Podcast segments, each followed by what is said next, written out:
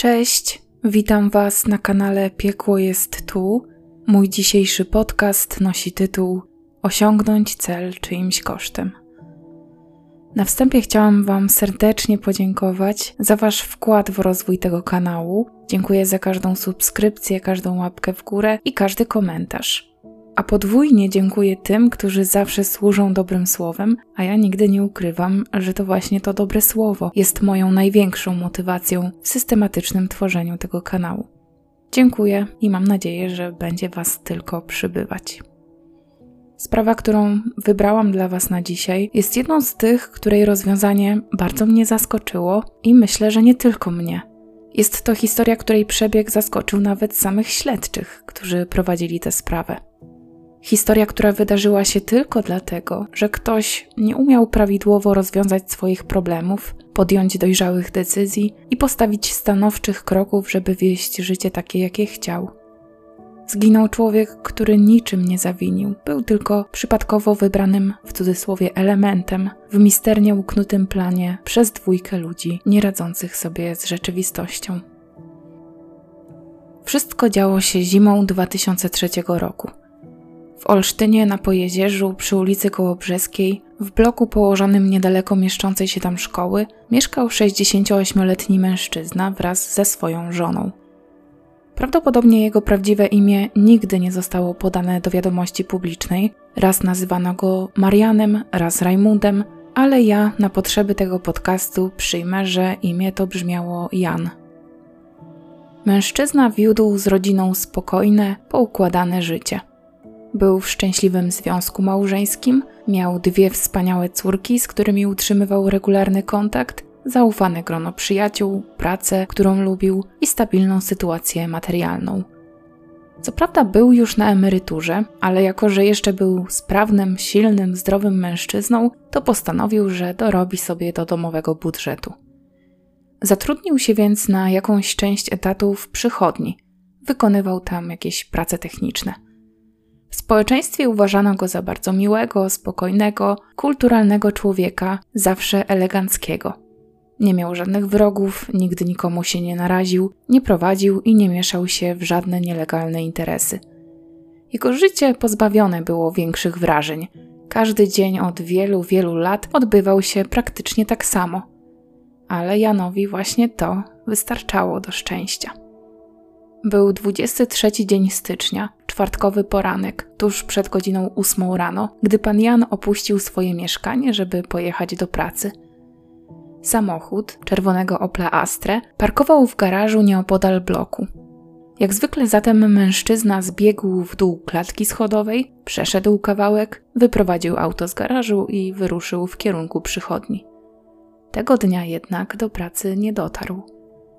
Pierwsi zaniepokoili się jego współpracownicy.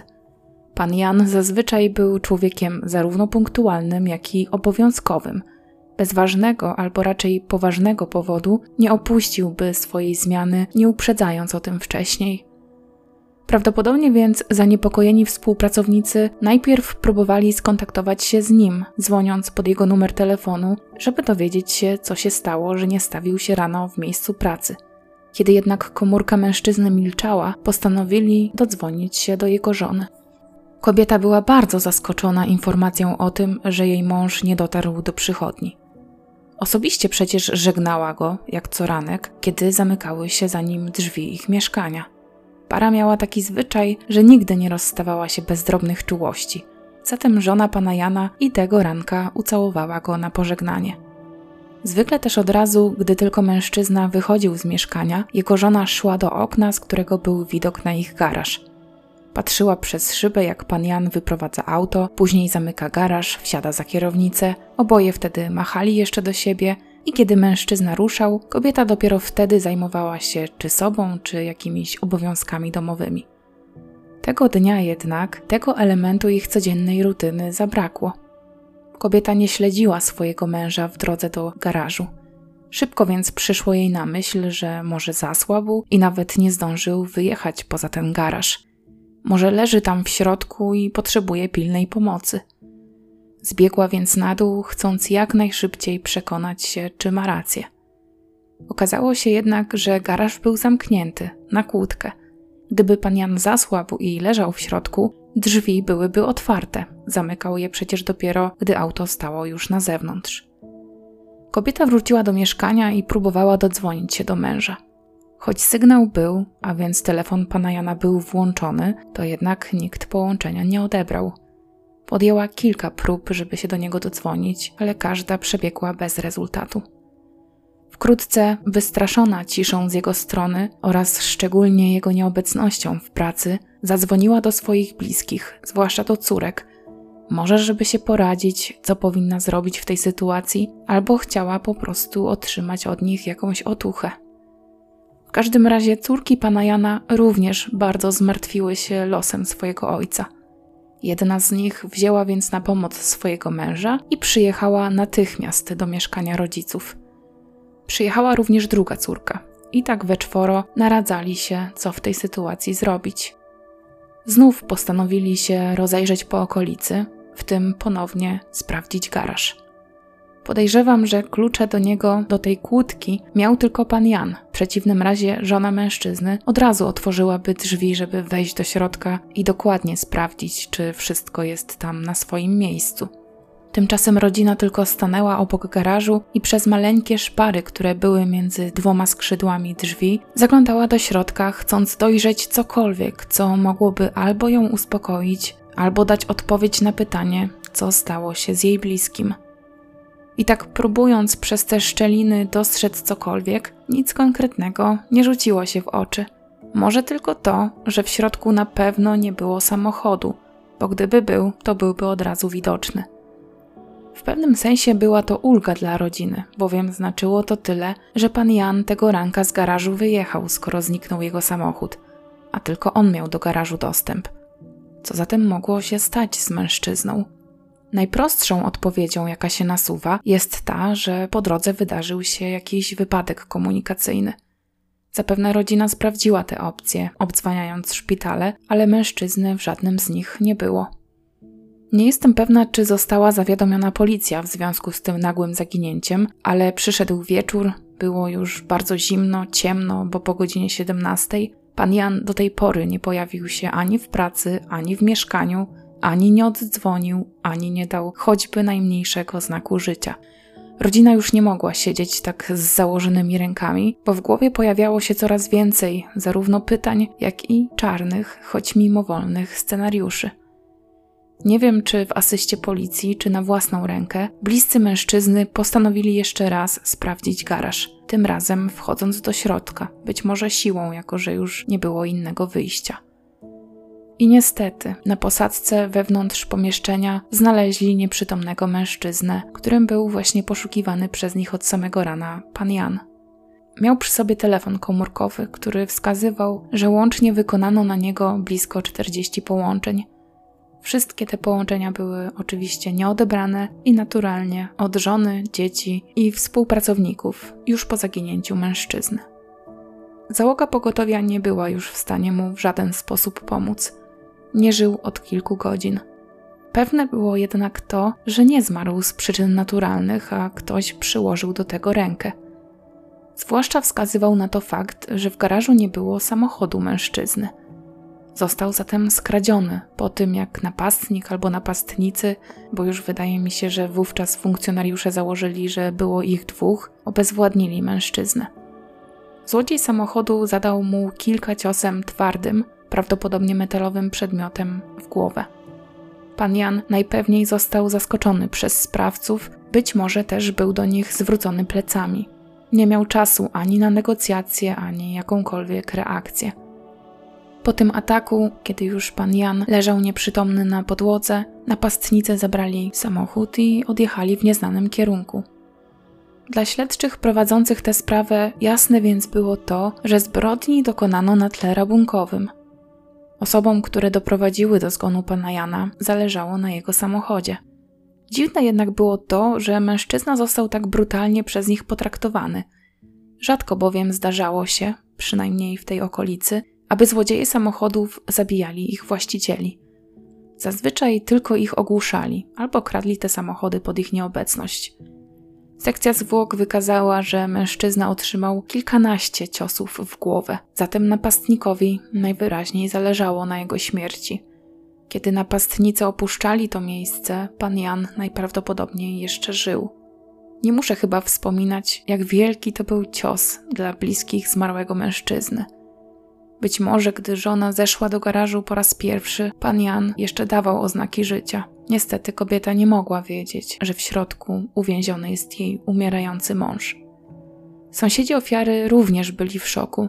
Nikt nie potrafił uwierzyć ani pogodzić się z tym, że na ich spokojnym osiedlu, gdzie nigdy nie dochodziło do podobnych wydarzeń, w pobliżu ich mieszkań, życie stracił ktoś, kto nikomu nie wadził, zawsze był człowiekiem prawym, uczciwym, miłym i że być może był przypadkową ofiarą, że sprawca mógł wybrać sobie kogokolwiek innego.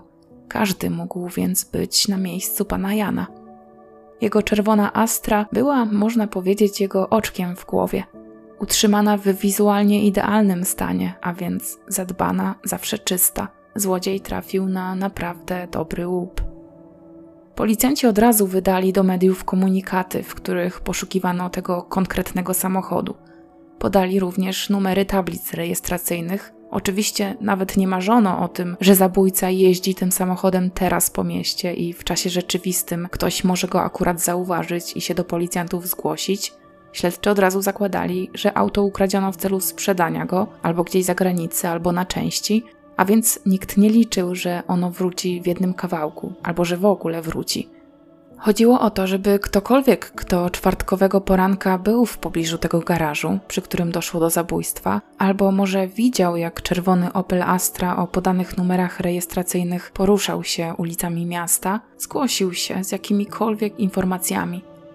Nie było bowiem żadnego, nawet najmniejszego śladu, żadnego punktu zaczepienia, kim ci sprawcy mogli być. Gdyby ktoś akurat zapamiętał ten samochód, może udałoby się zdobyć chociaż informacje o jakichś cechach wyglądu osoby siedzącej za kierownicą, albo chociażby potwierdzenie założeń, że faktycznie sprawców było dwóch i że byli to mężczyźni. Niestety, o ile ludzie faktycznie zgłaszali się, podając swoje obserwacje, o tyle nie były one w ogóle istotne i w żaden sposób się nie przyczyniły do postępów w śledztwie. Mijały długie dni, a zabójca pana Jana nie został namierzony pomimo starań i wysiłków śledczych. Wreszcie, wciąż bez żadnego punktu zaczepienia, rzecznik Komendy Miejskiej Policji w Olsztynie podał do mediów informację o wyznaczonej wysokiej nagrodzie za jakiekolwiek ważne informacje od świadków. Kwota była utajniona, ale rzecznik obiecywał, że jest naprawdę wysoka, a więc warto, jeśli ktoś wiedział cokolwiek, zgłosić się z tą wiedzą na komendę. W to, że odnajdzie się skradziony samochód, nikt nie wierzył. Tak jak mówiłam wcześniej, śledczy od razu przyjęli, że motywem była kradzież w celu sprzedania auta dalej, a kradzieży dokonała jakaś złodziejska szajka, która na pewno zadbała o to, żeby pojazd nigdy się już nie znalazł. Oczywiście nie skupiano się tylko i wyłącznie na tej wersji, ale to właśnie ta wydawała się najbardziej prawdopodobna i przeważała nad każdą inną – Sprawdzono bliskie otoczenie zmarłego mężczyzny, dowiadywano się, jakie miał relacje, może jakieś tajemnice przed rodziną, ale niczego nie ustalono. Pan Jan na pewno nie miał żadnych zatargów z nikim, nikt nie był do niego wrogo nastawiony, nikomu nie był nic winien i nikt z jego otoczenia nie miał nawet najmniejszego powodu, żeby chcieć jego śmierci. Mężczyzna był czysty jak łza. Tym bardziej teoria o tym, że motywem była tylko i wyłącznie kradzież samochodu, uprawdopodobniała się. I nagle nastąpiło wielkie zaskoczenie. Policjanci dokładnie tydzień po tragedii otrzymali anonimowe zgłoszenie. Ktoś powiadomił ich, że w lesie nieopodal miejscowości Barczewo, oddalonej od Olsztyna o niecałe 20 kilometrów, stoi wrak samochodu, właśnie takiego, jaki skradziono w dzień zabójstwa ofierze. Funkcjonariusze udali się więc na miejsce i w pobliżu niewielkiej wsi Maruny zlokalizowali pojazd. Rzeczywiście okazało się, że to czerwony Opel Astra, własność pana Jana. Auto było doszczętnie spalone. Jak mówiłam wcześniej i powtarzam to już po raz trzeci, nikt nie spodziewał się, że samochód zostanie odnaleziony. Podejrzewano przecież, że go skradziono, żeby sprzedać go dalej na czarnym rynku, a tu nagle odnalazł się w lesie całkowicie spalony Dlaczego? Po co komuś było to auto, skoro i tak zamierzał je zniszczyć w taki sposób? Policjanci podejrzewali, że być może, skoro sprawa trafiła do mediów i stała się bardzo głośna, złodzieje po prostu spanikowali, że zostaną rozpoznani, a więc zrezygnowali z zamiaru sprzedaży samochodu, ponieważ było to dla nich zbyt ryzykowne. Mimo, że zapewne sprawcy, podpalając samochód, mieli zamiar pozbyć się śladów, które pomogłyby policjantom do nich dotrzeć, to ten plan nie był wcale tak doskonały, jak wówczas, gdy tego dokonali, mogło im się wydawać. Śledczy zabezpieczyli bowiem kilka ważnych śladów, w tym ślady biologiczne i daktyloskopijne, i optymistycznie założyli, że to tylko kwestia czasu, aż w końcu wytropią napastników. I udało się to bardzo szybko, bo już kilka dni później. 4 lutego 2003 roku policjanci późnym wieczorem zapukali do drzwi domu na wsi pod Olsztynem. Nie jestem pewna, czy jest to ta sama wieś, nieopodal której znaleziono auto, czyli wieś Maruny. Nie jest to nigdzie powiedziane. W każdym razie była to jakaś wieś niedaleko Olsztyna, a może bardziej niedaleko Barczewa. Wówczas śledczy już mieli przekonanie, że zameldowany tam, w tym domu, do którego trafili, 24-letni mężczyzna ma coś wspólnego z kradzieżą samochodu. Zanim jednak doszło do zatrzymania i do przeszukania jego domu, śledczy przyjeżdżali do tej wsi regularnie i rozpytywali o ten czerwony samochód, i kilkoro świadków go tam widziało. I dzień przed zatrzymaniem zeznania na policji składał jakiś mężczyzna, który z całą pewnością potwierdził, że jego sąsiad właśnie poruszał się takim samochodem i był pewny, że ten samochód nie był jego własnością. Mało tego, ten mężczyzna proponował swoim kolegom przejażdżki czerwoną astrą i chwalił się podczas tych przejażdżek, że ma kontakty z mafią i że to u niego ci członkowie mafii postanowili ukryć skradziony samochód, gdy o zabójstwie i kradzieży zrobiło się tak głośno. Wersja, którą podawał ten mężczyzna, podejrzewany przez policjantów wówczas, że był złodziejem i zabójcą, to była oczywiście wyssana z palca wersja, po prostu stek bzdur. Podejrzewany mężczyzna wymyślił ją, aby wzbudzać respekt wśród społeczności, w której żył. Wcześniej nie był przez nią poważany. Jego tryb życia i ogólnie historia jego życia nie budziła w nikim szacunku. Tak więc 4 lutego 2003 roku, w nocy, drzwi do domu, przed którymi stali śledczy, otworzyła starsza kobieta. Była to babcia 24-letniego Sławka. Mężczyzna był w środku, prawdopodobnie pod wpływem alkoholu. Mimo to bez oporów dał się zakuć w kajdanki, a później złożył na policji wyjaśnienia, przyznając się do zabójstwa 68-letniego Jana z Olsztyna. I tutaj zaczyna się historia miłosna, nie mafijna, w żadnym stopniu nie przestępcza. No, może później, kiedy już dojdziemy do działań tej pary. Historia życia dwójki dorosłych ludzi, którzy zakochali się w sobie, ale nie widzieli innego sposobu, by być razem, niż zabicie kogoś. Ale nie chodziło o życie pana Jana. On był tutaj przypadkową ofiarą, a poza nim ofiara miała być jeszcze jedna. Na jej szczęście uszła z życiem. Sławek Elżbietę znał praktycznie od zawsze. Oboje mieszkali w tej samej, niewielkiej miejscowości, gdzie siłą rzeczy każdy znał każdego. Ona miała swoją rodzinę, męża i liczną gromadkę dzieci. Była typową gospodynią domową. Utrzymaniem materialnym rodziny zajmował się jej mąż Paweł, który pracował jako palacz w kotłowni w Barczewie, a ona w tym czasie dbała o dom i o ich wspólne dzieci. Para bardzo kochała swoje dzieci. Kobieta miała 40 lat, jej mąż był o rok starszy. Życie pary toczyło się normalnym, wiejskim rytmem. W domu i wokół domu zawsze było coś do zrobienia. Na nudę Elżbieta narzekać nie mogła. Zwłaszcza, że jakieś niewielkie gospodarstwo posiadała i mogła się temu zajęciu oddawać, gdy dzieci już nieco podrosły. Najstarszą córkę nawet niedawno udało się wydać za mąż. Rodzina powiększała się systematycznie. W 2003 roku dzieci na świecie było już pięcioro, w tym najmłodsza dwuletnia dziewczynka.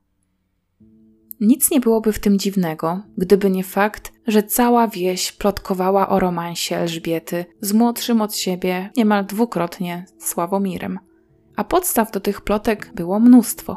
Sławomir był często widywany w domu Elżbiety podczas nieobecności jej męża. A najdziwniejsze było to, że najczęściej pojawiał się tam w wieczory, gdy Paweł wyjeżdżał do pracy na nocną zmianę i wychodził z domu małżeństwa nad ranem, tuż przed powrotem pana domu. Zresztą nie dało się nie zauważyć, jak Sławek patrzył na Elżbietę. Na każdej uroczystości, gdzie zbierała się niemal cała wieś, na jakichś ważnych wydarzeniach, widziano młodego mężczyznę, który ukradkiem posyłał Elżbiecie pełne miłości spojrzenia.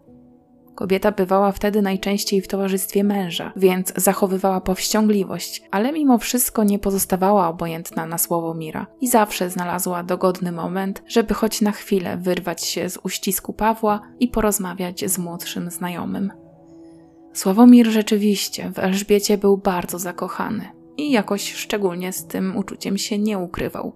Może tylko studził je w obecności męża kobiety. Ale jako bezrobotny, niewykształcony, bez perspektyw młody mężczyzna nie mógł jej i jej gromadce dzieci niczego zapewnić. Sam mieszkał z dziadkami, z którymi jego relacja była bardzo trudna.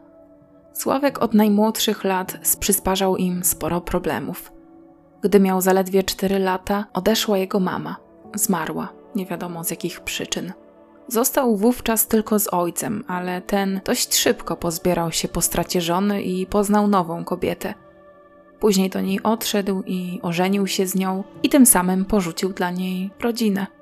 Nie było nawet mowy o tym, żeby tę nową rodzinę tworzyć razem ze swoim synem, ponieważ przeciwna temu była jego świeżo poślubiona żona. Wówczas Sławek został pod opieką dziadków. Dziadkowie robili dużo, aby wyrósł na porządnego człowieka. Pilnowali go, aby się uczył, aby przede wszystkim chodził do szkoły. Chcieli mu bowiem oddać pod opiekę całe gospodarstwo i ważne było, aby umiał się nim zajmować w przyszłości. Dlatego też namawiali go, aby zaczął uczęszczać do zawodówki i żeby po tej szkole był rolnikiem. Ale on miał poważne problemy zarówno z koncentracją, jak i z kontrolowaniem emocji. Było w nim dużo żalu, gniewu, buntował się. Zaczął więc regularnie opuszczać lekcje, później całkowicie zrezygnował z nauki. Był w drugiej klasie zawodówki o profilu rolniczym, gdy ją przerwał i nigdy już do szkoły nie wrócił. Z tłumaczeń, próśb, a nawet gruźb dziadków nic sobie nie robił. Zamykał się w pokoju, nie pokazywał się na oczy i całe dnie oglądał telewizję. Coraz częściej też oddawał się różnym nałogom, w których szukał ukojenia. Zwłaszcza ulgę przynosił mu alkohol. Sławek starał się nie konfrontować ze swoimi bliskimi, ponieważ zazwyczaj wtedy wdawał się z nimi w kłótnie. Zazwyczaj więc unikał ich obecności i wychodził i wchodził do domu przez okno swojego pokoju. Tak, że dziadkowie nie mieli pojęcia, kiedy mężczyzna jest, a kiedy go nie ma w domu. Tak samo było, gdy policjanci pytali ich o to, czy ich wnuk znajdował się w domu w poranek, kiedy doszło do zabójstwa pana Jana. Nie byli oni w stanie powiedzieć, ponieważ nigdy nie wiedzieli, kiedy on jest w domu. Nie było jednak tak, że Sławomir totalnie nic nie chciał zmienić w swoim życiu i tylko głównie pił alkohol. Pił wtedy, kiedy coś mu w życiu nie wychodziło, a więc traktował ten nauk jako ucieczkę od rzeczywistości. Sławomir jednak aktywnie poszukiwał pracy. Natomiast zmarnował swoją młodość nie ucząc się. Nie zdobył nigdy żadnego konkretnego fachu. Nikt go do pracy nie chciał przyjąć. Mężczyzna regularnie pojawiał się w Olsztynie w urzędzie, gdzie rejestrował się jako bezrobotny. Liczył na to, że znajdzie się dla niego jakieś zajęcie, ale bez skutku. Tak więc wracał do domu, pogrążał się w nałogu i tak płynęło jego bardzo młode jeszcze przecież życie. Jedyną osobą na świecie, jakiej ufał, jakiej wierzył, do jakiej miał jakiś szacunek, z którą chciało mu się przebywać, była właśnie Elżbieta. Początki ich relacji nie są w ogóle znane, jak to się stało, że para się tak do siebie zbliżyła, że została kochankami ale już po narodzinach najmłodszej córki Elżbiety, czyli dwuletniej dziewczynki, na wsi pojawiły się głosy, że dziecko nie jest Pawła, a właśnie Sławomira. Elżbieta tych plotek nigdy nie potwierdziła. I chyba też nie jest tak, że jej mąż nie miał pojęcia o relacji żony z młodym sąsiadem. Zapewne miał, ale myślał, że nie jest to nic poważnego, że Ela i tak nie zostawi rodziny i wszystkiego, co miała, dla młodszego, nieposiadającego zupełnie niczego mężczyzny.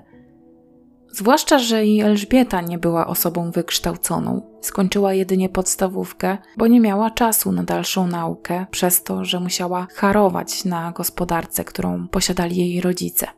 A później, jako bardzo młoda dziewczyna, zaledwie 18-letnia, wyszła za mąż, a od razu po ślubie na świecie pojawiło się pierwsze dziecko.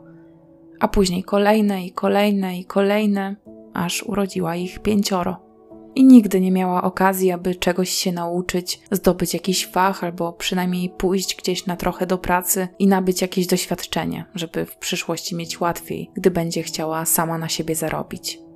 Paweł zatem miał świadomość tego, że jego żona przy jego boku nie musi się martwić o przyszłość ani swoją, ani ich dzieci.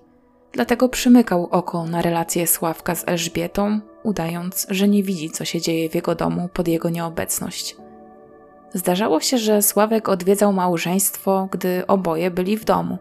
Wówczas spędzali czas we trójkę, stwarzając pozory, że to zwykłe koleżeńskie odwiedziny. A gdy Paweł był w domu, a Elżbieta tęskniła za młodym kochankiem, umawiali się w jednym konkretnym miejscu, w opuszczonym budynku. I tam chowali się przed całą wsią, ciesząc się swoją obecnością i snując plany na przyszłość. Ale to było bardzo frustrujące dla nich, to, że nie mogli być razem. Wkrótce więc postanowili, nie mogą już dłużej żyć w ukryciu. Chcieli być razem, obok siebie, nie musieć się już kryć i z niczego przed nikim tłumaczyć. Problem tkwił w tym, że Elżbieta była przecież mężatką. To w jej mężu tkwił ten problem. To on był przeszkodą na ich drodze. Sławek i jego ukochana podjęli więc decyzję. Paweł musi umrzeć ale on był zdrowym i silnym mężczyzną. Nie zapowiadało się, żeby wybierał się na tamten świat. Trzeba więc było wysłać go tam siłą. 23 stycznia 2003 roku Sławomir podjął decyzję. Pojechał do Olsztyna, do dużego miasta. Postanowił pokręcić się po różnych osiedlach, a to jedno konkretne, na którym spotkał pana Jana, znał, ponieważ tamtędy właśnie chodził do urzędu pracy Chciał ukraść komuś samochód. W tamtym momencie jeszcze nie wiedział, że kogoś zabije.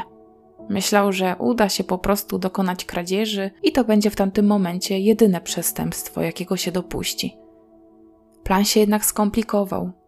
Stanął obok garażu pana Jana i zauważył, że mężczyzna już wówczas wyprowadził swój samochód ze środka, a później wrócił jeszcze na chwilę do garażu, a w stacyjce zostawił kluczyki. Wtedy czający się nieopodal Sławomir dostrzegł swoją szansę. Zbliżył się więc do pojazdu i szybko zorientował się, że jego właściciel znajduje się zaledwie kilka metrów dalej. Oszacował więc, że nie zdąży wsiąść i odjechać bezproblemowo. Postanowił zatem zamknąć właściciela Opla w garażu. Myślał, że wystarczyło tylko zatrzasnąć drzwi i kłódkę i tyle pan Jan nie miałby już szansy, aby udaremnić kradzież, bo byłby zamknięty wewnątrz garażu. Więc kiedy Sławek zbliżył się i spróbował pchnąć jedno skrzydło drzwi, żeby je zatrzasnąć, okazało się, że było zablokowane i ani drgnęło. Wówczas pan Jan dostrzegł go w swoim garażu. Sławomir był uzbrojony w metalowy pręt. Bez zastanowienia zamachnął się w kierunku emeryta, uderzając go silnymi ciosami w głowę. Przestał dopiero, gdy mężczyzna nie dawał już oznak życia. Wtedy droga do czerwonego Opla była już wolna. Paweł odblokował drzwi garażu, zamknął je, zatrzaskując kłódkę, wsiadł za kierownicę samochodu i odjechał. Na co mu było auto? Ano, kolejnym punktem planu było ukrycie się w lesie, przez który zawsze do pracy rowerem jeździł Paweł, mąż Elżbiety, i zamachnięcie się tym razem na jego życie. Sławomir chciał potrącić swojego rywala ze skutkiem śmiertelnym, później zbiec z miejsca wypadku, spalić samochód i tyle. Później już tylko żyć sobie szczęśliwie u boku kochanej kobiety, myśląc, że nikt nigdy nie domyśli się, kto pozbawił życia męża jego partnerki. Jeszcze tego samego dnia, 23 stycznia wieczorem, gdy Paweł zmierzał przez las na nocną zmianę do pracy rowerem, Sławomir czerwonym oplem ukrywał się w głębi lasu, czekając na dogodną okazję, żeby wyjechać mężczyźnie naprzeciw. Kiedy ją znalazł, ruszył autem wprost na niego. Paweł cudem uniknął zderzenia z pojazdem. Chyba nie dojrzał, kto siedział za kierownicą samochodu. Tak samo jak nie rozpoznał, jakiej auto było marki i nie skojarzył, że mógł to być ten sam samochód, o którego kradzieży i zabójstwie jego właściciela słyszał jeszcze tego samego dnia po południu w telewizji. W pracy nie przestawał myśleć o tym zdarzeniu, a gdy tylko pojawił się w domu, od razu zwierzył się swojej żonie z tej dziwnej sytuacji. Kobieta skryła głęboko w sobie wszystkie emocje, udając tylko zaskoczenie i zmartwienie. W głębi serca jednak poczuła rozczarowanie. Kiedy Paweł położył się, żeby odespać nocną zmianę w pracy, Elżbieta pobiegła na spotkanie z kochankiem. Płakała, przeżywała, że spartaczył robotę, że nie wiadomo jak będzie, bo media już huczały o zabójstwie i kradzieży czerwonego samochodu, że przecież w każdej chwili mogą ich zdemaskować jako złodziei i zabójców i z reszty planu nici. Kiedy się nieco uspokoiła, Sławomir zapewnił ją, że dokończy to, co zaczął. Trzeba było na to jeszcze trochę poczekać, bo kolejna nocna zmiana czekała Pawła dopiero niemal tydzień później, a zdecydowanie bezpieczniej było zaatakować go właśnie pod osłoną nocy, żeby zminimalizować ryzyko, że będą jacyś świadkowie zdarzenia. Ale co z tego? Dla 24-latka ukrywanie samochodu w lesie w odosobnionym, nie rzucającym się w oczy miejscu, którego skrupulatnie na tę okoliczność szukał i w końcu znalazł, nie wydawało się żadnym wyzwaniem – to bardziej Elżbieta bała się, że ci, którzy prowadzą to śledztwo, znajdą auto szybciej niż im uda się dopiąć plan na ostatni guzik. Jej obawy, ku jej uciesze, nie spełniły się. Policjanci nie znaleźli ukrywanego samochodu, mimo że Sławomir zresztą niezbyt przykładał się do tego, aby auto nikomu nie rzucało się w oczy. Gdy w domu, w którym mieszkał z dziadkami, wybuchała kolejna awantura, mężczyzna uciekał, tak jak zawsze, przez okno swojego pokoju, pędził do lasu, wyprowadzał z niego opla i snuł się nim po wiejskich drogach. Zapewne też robił to pod wpływem alkoholu, bo wiadomo, że od dnia zabójstwa pana Jana do momentu aresztowania Sławomira mężczyzna praktycznie nie trzeźwiał. Niemal tydzień od zabójstwa mężczyzny, Sławomir po raz kolejny, praktycznie w tym samym miejscu co poprzednio, czekał w czerwonym oplu na męża Elżbiety, żeby ponownie dokonać zamachu na jego życie. Wszystko odbywało się tak samo jak poprzednim razem. Kiedy już Sławomir zauważył Pawła, ruszył autem wprost na niego. Tego dnia udało mu się uderzyć w niego dość mocno. Paweł spadł z roweru i Sławomirowi mogło się wydawać, że go zabił. Nie miał jednak czasu, aby wyjść i ostatecznie to sprawdzić. Miał już zaplanowane, co zrobi z samochodem, a więc dość szybko odjechał w miejsce odludne, tam spalił samochód, bo myślał, że w ten sposób pozbędzie się wszelkich śladów. Kiedy już to zrobił, zmienił jeszcze ubranie, w tym również buty na większe, żeby ewentualnie nie zostawiać odcisków swoich własnych butów, bo nie chciał sam na siebie dostarczać dowodów, bo pewnie przypuszczał, że będzie podejrzanym numer jeden i wracając do wsi, skręcił w drogę, na której potrącił Pawła. Szybko jednak z niej uciekł, bo na miejscu wypadku dostrzegł jakichś ludzi, którzy ruszyli Pawłowi na pomoc. Jeszcze tego samego wieczoru Sławomir przekonał się, że rywala nie zabił. Ten kilka godzin później pojawił się w swoim domu.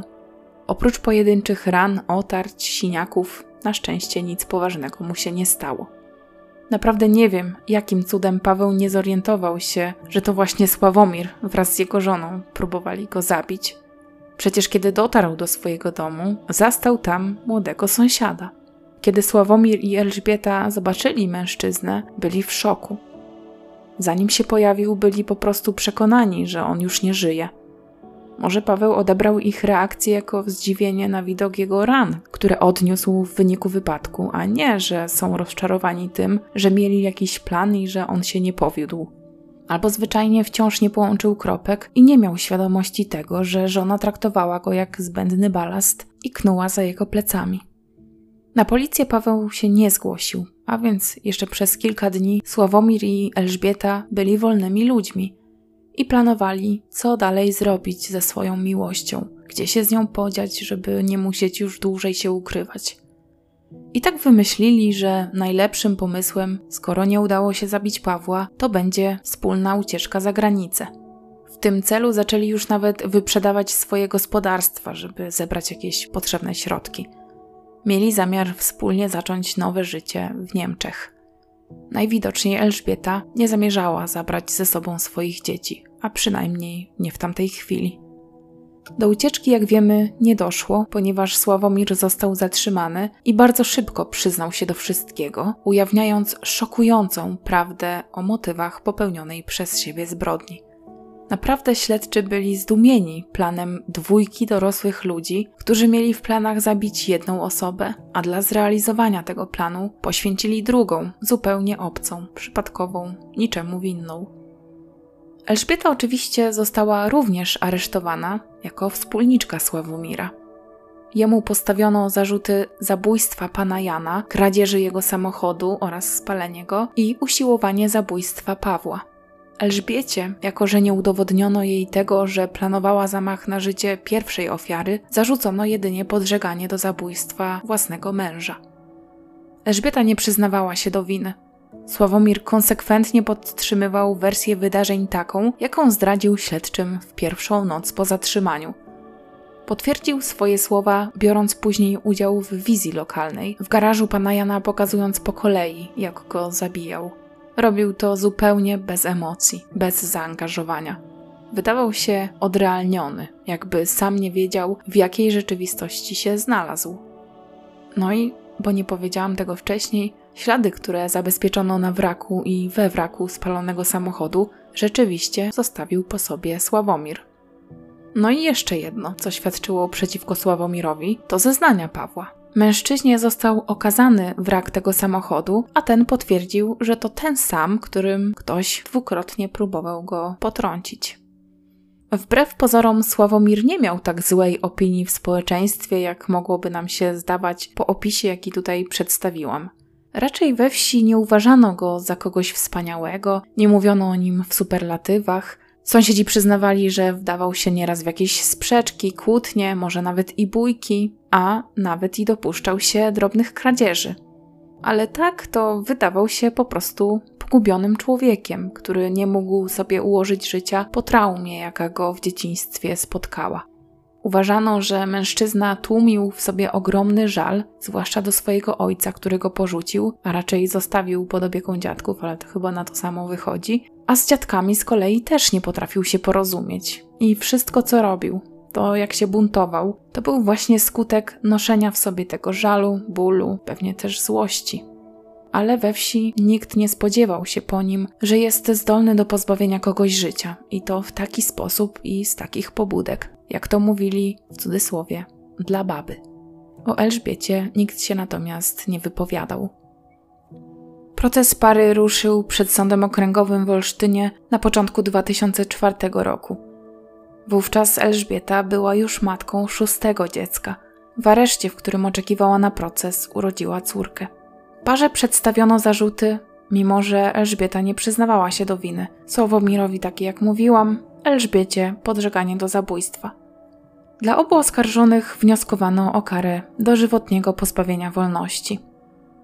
Okres, podczas którego para była oddalona od siebie, przebywała w osobnych aresztach, wpłynął na niekorzyść tej relacji, bowiem Sławomir najpierw w śledztwie próbował wziąć całą winę na siebie, trochę wybielając Elżbietę, zaś już później, na sali sądowej, opowiadał o tym, że faktycznie to ona bardzo naciskała na to, aby jak najszybciej pozbyć się Pawła, że stał się dla niej już kulą u nogi i oczekiwała, że Sławomir go zabije. Zaś sama Elżbieta umniejszała swoją rolę w tym planie. Uważała, że do niczego Sławka nie namawiała, że ona od początku była za tym, żeby po prostu gdzieś uciec, a nie zabijać. Uważała, że nie mają prawa decydować o tym, kto ma żyć, a kto ma zginąć. Podczas procesu zeznawał Paweł, mąż Elżbiety i niedoszła ofiara. Mężczyzna przyznał, że bardzo kochał zarówno żonę, jak i dzieci Jednakże nie miał pojęcia, że dwie ostatnie córki, które urodziła Elżbieta, nie są jego, a są jej kochanka. I tak naprawdę możemy się tylko zastanawiać, czy mężczyzna rzeczywiście podejrzewał, że żona go zdradza, tylko przymykał na to oko, czy mamy tu książkowy przykład sytuacji, w której każdy wie, tylko nie ten, kto powinien wiedzieć. Opinia psychiatryczno-psychologiczna wykazała zarówno u Sławomira, jak i u Elżbiety niedojrzałość emocjonalną, nieumiejętność przewidywania skutków swoich czynów i unikanie odpowiedzialności za nie. Inteligencja obojgu była poniżej przeciętnej. Sąd Okręgowy w Olsztynie w marcu 2004 roku, a więc po trzech miesiącach od rozpoczęcia procesu, ogłosił wyrok. Uznał Sławomira winnym zarzucanych mu czynów i wymierzył mu karę dożywotniego pozbawienia wolności. Elżbieta za podżeganie do zabójstwa usłyszała wyrok 12 lat pozbawienia wolności. Sąd za motywację do popełnienia tych czynów przyjął chęć pozbycia się męża kobiety, aby móc być razem. Cytuję: 25-letni Sławomir O. i 41-letnia Elżbieta M. mieszkali w jednej z podolsztyńskich miejscowości. Nawiązali romans i zaczęli planować wspólną przyszłość. Ponieważ uznali, że mógłby im w tym przeszkodzić mąż kobiety, postanowili go zabić. Sąd nie uwzględnił żadnych okoliczności łagodzących w przypadku Sławomira. Owszem, mogłyby być nimi trudne przeżycia, zwłaszcza w dzieciństwie, albo klasycznie wcześniejsza niekaralność, to jednak na wymierzenie najwyższego wyroku wpłynął fakt, że choć mężczyzna zabił już wcześniej jedną osobę, to na tym nie zamierzał poprzestać. Zamachnął się jeszcze raz na życie człowieka i to już świadczyło o jego bezwzględności i bezrefleksyjności i sąd uznał, że oskarżony nie zasłużył na szansę powrotu do społeczeństwa. Dodatkowo para została zobowiązana do wypłacenia odszkodowania rodzinie ofiary, czyli pana Jana, a właściwie jego żonie, w kwocie łącznej 70 tysięcy złotych. Szczególnie niezadowolona z wyroku była Elżbieta, która uważała, że zarzuty jej postawione były bezpodstawne, ale do sądu apelacyjnego odwołali się obrońcy zarówno kobiety, jak i jej kochanka. I tak sąd apelacyjny w Białymstoku siedem miesięcy później zmienił wyrok Sławomira, zmniejszył mu go do 25 lat pozbawienia wolności. Zastrzegł jednak, że o warunkowe zwolnienie będzie mógł się on starać dopiero po 20 latach odbycia kary. W przypadku Elżbiety wyrok został bez zmian, czyli 12 lat pozbawienia wolności – Zaś sąd zdecydował się zmienić jej zarzuty. Uznał, że rzeczywiście nie udowodniono kobiecie podżegania do zabójstwa, ale z całą pewnością wykazano, że wspierała swojego kochanka psychicznie w czynnościach, których się dopuścił. Po prostu udzieliła mu na nie swojej pełnej zgody i aprobaty, i za to właśnie 12 lat spędziła w więzieniu. Elżbieta jednak się nie poddawała i wraz ze swoim adwokatem zwróciła się do Sądu Najwyższego z prośbą o kasację wyroku. Podstawą do kasacji wyroku miało być zachowanie śledczych w stosunku do Elżbiety na etapie, gdy przebywała w areszcie. Wówczas została siłą zmuszona do podpisania zeznań, które nie były prawdziwe. Zrobiła to, bo policjanci mówili jej okropne rzeczy, między innymi takie, że wszystkie jej dzieci zostaną oddane do domu dziecka, ale nie tego samego, a każde do innego, że będą rozsiane po całej Polsce i że nie będą tam najlepiej traktowane. Elżbieta tą wizją była tak przerażona, że zgodziła się na wszystko. Zaś jeśli chodzi o przyznanie do winy Sławomira, tego policjanci mieli zmusić za pomocą przemocy fizycznej. Zapewne wszystkie te zarzuty, które obrońca Elżbiety oraz ona sama skierowali do Sądu Najwyższego, zostały przez sąd zweryfikowane. I najwyraźniej okazały się być nieprawdziwe, bo kasacja została oddalona. I to już jest wszystko, co w tej sprawie udało mi się wyczytać. Jak dla mnie jest ona po prostu absurdalna. I jest mi ogromnie przykro z powodu ofiary, niewinnej, po prostu brak mi słów. Bardzo współczuję rodzinie tego mężczyzny i mam nadzieję, że uporała się z tą tragedią. Minęło od niej już 20 lat. Myślę, że czas w jakimś stopniu jest lekiem. Dziękuję za Waszą obecność. Tymczasem muszę się już z Wami na dzisiaj pożegnać. Jak zawsze przytulam każdego, kto dzisiaj tego potrzebuje i mam nadzieję, że słyszymy się niebawem.